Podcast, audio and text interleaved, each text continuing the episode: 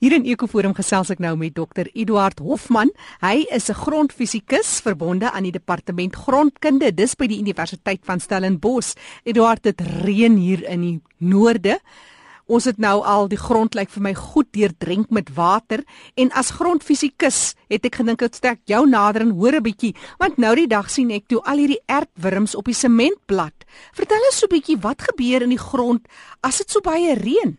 Ja, dit is daar staan interessante goed wat gebeur. Die water word in die grond gelei deur die poree in die grond. Nou, hoe meer klei in die grond is, hoe fyner is daai poree en hoe stadiger gaan dit gebeur. So in sandgrond wat lekker grove poree tussen die deeltjies gaan die water vinnig in, maar hoekom die aardwurms op die stoep nou uitklim? Die aardwurms boor tonneltjies in die grond af en daai tonneltjies is redelik groot, so 'n paar millimeter in deursnee waar uh, poree in die grond kleiner is millimeter is baie kleiner.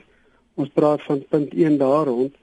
Nou die aardwurms maak voorkeur vloeipaaie. Soos dit nou reën, dan begin die water langs hulle tonneltjies afbeweeg onder toe om die grond dan nou vinniger nat te maak of die water vinniger van die grond af weg te gelei. En die aardwurms is 'n lewende organisme met asemhaal, so al wat hulle kan doen is Hulle kom dan by hulle tonneltjies uit en as hulle uitkom dan kan die water nou nog vinniger in die grond infiltreer en die dieper ondergrond ondernat maak. So die aardwurm boet eintlik nou met sy lewe, want as hy bo grond uitkom, dan gaan hy tog maar dood. Dit klink dan of hy 'n baie goeie funksie verrig daar onder die grond. Kyk, die aardwurm se bed het 'n hele paar goeie funksies. Dit meng die grond om sodat dit help ook in die grondvormingsproses die uh mikus wat hulle afskei of die die kan die grond gaan ons nou deur die aardwurm sodat die die grond verteer of opneem en daai uh, grond wat hy dan nou basies of sê ekskresies of die ek het nou nie heeltemal die regte plantkundige term nie maar da, kom ons praat van hulle hulle hoopies wat hulle maak op die grond. Is baie ryk in organiese materiaal en dit bind ook die grond wat dan basies die lossandeeltjies in mekaar bind. Dis die een ding wat hulle baie goed doen. En dan as die grond baie vas is of gekompakteer is, as ons nou die regte term gebruik, kan die aardwurm fisies daai kompaksie ophef. Die manier hoe hy in die grond voortbeweeg deurdat hy sy lyf dikker maak en vasdruk in die kant van die grond en dan daai neusgedeelte of voorste gedeelte vorentoe stoot, kan hy fisies verdigte grond losmaak. So en dit maak dan dat in los of in vaste grond kan die plantwortels dan as die aardwurm dan nou uit sy gat uit is, groei die wortels dan langs af en dit kan aan die ondergrond benut wat dit andersins nie moontlik sou wees nie. Nou na 'n paar dae van aaneenlopende reën, onophoudelik, wat gebeur presies wanneer oorstromings plaasvind?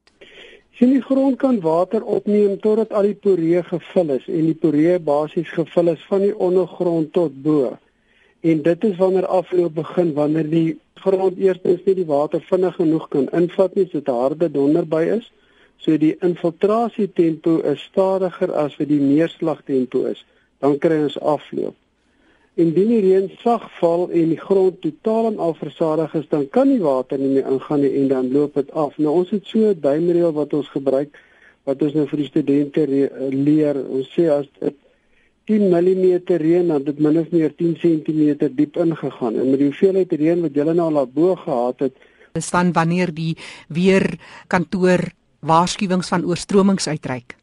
Ja, dan kan die grond nie meer fisies die water vat nie en alles wat dan val hardloop bo op die grond af en dit versamel in die laagliggende gedeeltes in die stroompies en dit samel net aan en dit raak net meer en meer. So die grond is fisies nou versadig. Dit kan nie meer water vat nie en alles loop nou, nou net op die oppervlakte af en beland op die ouende riviere en dan uiteindelik in die see. Maar wat staan jou te doen as jy met so 'n probleem sit? Wat sou jy as grondkundige vir ons raad gee? Wat moet ons doen?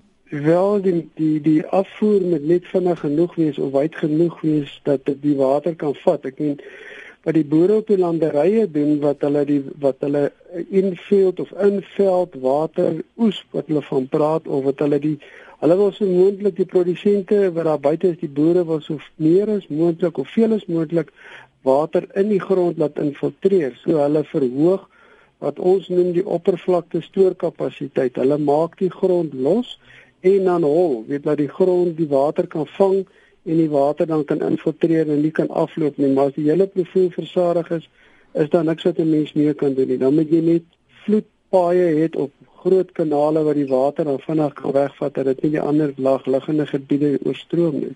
As 'n mens kyk na water, hulle sê die water is nie meer of minder as wat daar altyd is nie. Wat gebeur presies dat ons hierdie wanbalans partykeer kry? En dit sal jy meer vir die weerkundiges moet vra, maar die water in die atmosfeer is vas. Ja, dit is nie dat dit dat dit verskuif of of iets anders te nie. Die water is altyd daar, maar al wat nou gebeur is die globale stelsels is versteur. Waar dit in die verlede gereën het of daar sneeu geval, dan het baie vinniger weer weggegaan, maar die die beligbeweging wat die goed aandryf is heidaglik om een of ander rede wat die wetenskap nog nie mooi verstaan hoekom nie baie stadiger soos dit reën reën dit vir 'n langer tydperk aan mekaar. Die koue wat nou in Amerika was is vir 'n langer tydperk daar gewees as wat in die verlede is. So daar's 'n globale verandering wat ons nie mooi verstaan nie en wat dit dryf is natuurkragte. Ek weet nie of mense groot invloed het nie, maar die wetenskap verskil daaroor oor wat dit presies veroorsaak en wat dit aandryf.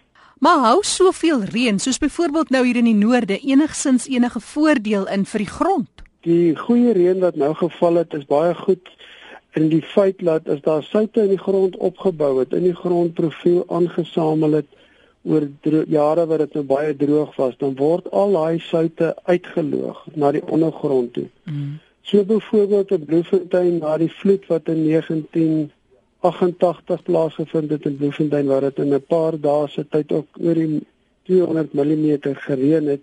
Die hele profiel was versadig en stikstof wat in die profiel vasgevang was oor baie jare wat wanneer dit was buite die bereik van wortels het afgeloog onder in die boorgatwater in. En toe die ons daarna die boorgatwater se inhoud toets, toe kom ons agter maar die boorgat bevat heelwat stikstof. In gevalle was daar plekke waar die stikstof inhoud te hoog was vir menslike gebruik. Mense kon nie meer daai water drink nie. Maar aan die ander kant, die boere wat die water benut het, het basies stikstof direk op hulle gewasse uitgespuit. Dis nou interessant. So al die goed wat nou nie wat oor die jare aangesamel het en oor droogte jare aangesamel het en ook braksoute gaan als uitgewas word in die ondergrond en in die boorgate in basies.